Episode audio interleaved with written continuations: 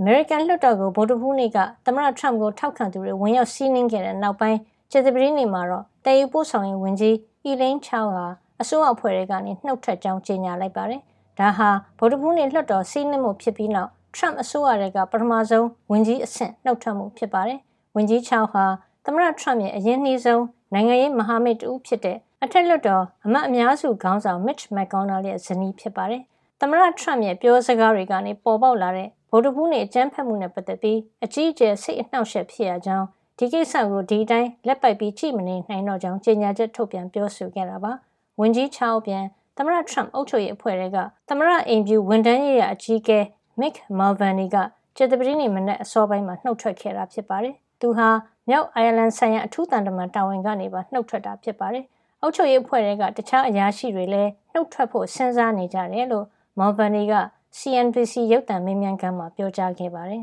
။နိုဝင်ဘာရွေးကောက်ပွဲကနေရွေးကောက်ခံသမ္မတဂျိုးဘိုင်ဒန်အနိုင်ရကြောင်း Electoral College ကိုယ်စားလှယ်တွေရဲ့မဲတွေအတီးပြူရေးလုပ်ငန်းစဉ်ကိုလွှတ်တော်အမတ်တွေဗုဒ္ဓဟူးနေ့ကဆောင်ရွက်နေစဉ်မှာပဲသမ္မတထရမ့်ကိုထောက်ခံသူယာနဲ့ချီပြီးလွှတ်တော်အဆောက်အဦတွေကိုအတင်းဝင်လာကြတာဖြစ်ပါတယ်။ဒီအရေးခင်မှာလူ၄ဦးသေဆုံးခဲ့ရတယ်လို့ Washington DC ရဲဌာနကပြောပါတယ်